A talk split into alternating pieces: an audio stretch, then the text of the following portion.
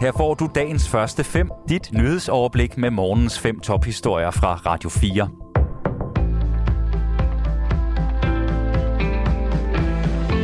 Det er mandag den 28. november. Mit navn er Asbjørn Møller.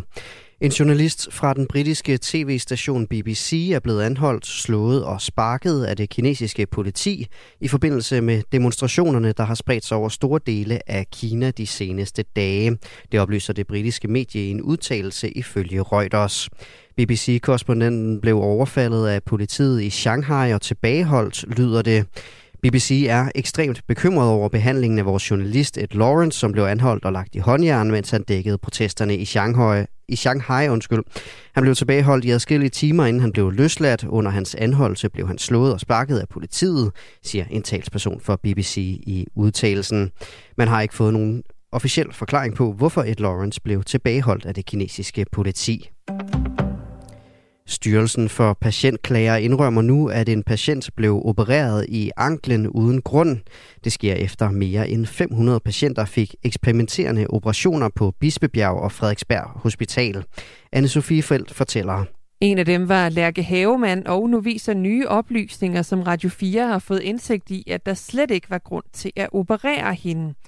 Styrelsen for patientklager har gennemgået hendes klage over operationen på ny, og her konkluderer styrelsen altså, at der ikke var grund til at operere hende. Det sker efter styrelsen har set et scanningsbillede, som den i første omgang glemte at kigge på. I 2020 der konkluderede Styrelsen for Patientklager ellers, at alt var gået efter bogen, da Lærke Havemands ankel blev opereret.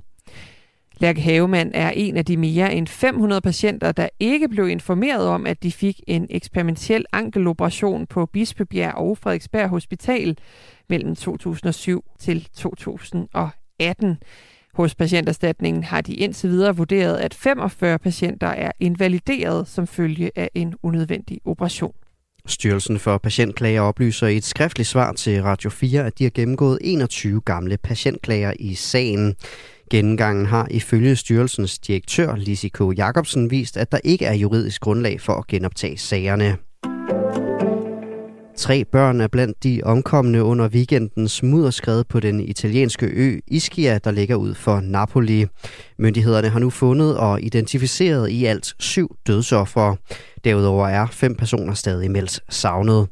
Vores håb er, at de savnede opholder sig hos venner og slægtninge og ikke har oplyst os om, hvor de er.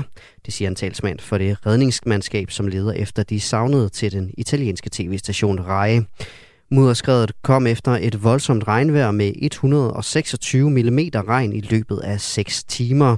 Ifølge nyhedsbureauet AP er 30 huse blevet oversvømmet af mudder, og mere end 200 mennesker er blevet hjemløse.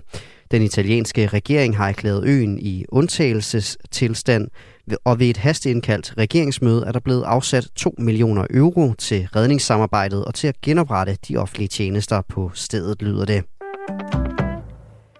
Moderaterne vil gøre det lovligt at besidde mindre mængder af stoffer til eget forbrug, det siger folketingsmedlem Nana Godfredsen til Berlingske. Hun siger, at det gælder alle former for stoffer og tilføjer over for, over for avisen, at andet ville være usagligt. Men hun understreger, at partiet mener, at det stadig skal være ulovligt at besidde stoffer med henblik på videre salg. Nanna Godfredsen siger, at kriminaliseringen af at tage stoffer er fejlslået. Kriminalisering er stigmatisering, og det betyder, at de stigmatiserede går under samfundets radar og ikke søger hjælp. Det medfører risiko for alverdens sygdomme, amputationer af arme og ben, overdoser osv., siger hun til Berlingske. Nanne Godfredsen henviser til en FN-rapport fra 2019. I den anbefaler 12 FN-organisationer at afkriminalisere narkotika til eget brug. Den radikale islamistiske organisation Al-Shabaab har taget, skylden, har taget skylden for et angreb på et hotel i Somalias hovedstad Mogadishu. Hotellet er tilholdssted for topfolk i landet. Al-Shabaab siger dog, at målet var at angribe præsidentpaladset, der ligger lige i nærheden.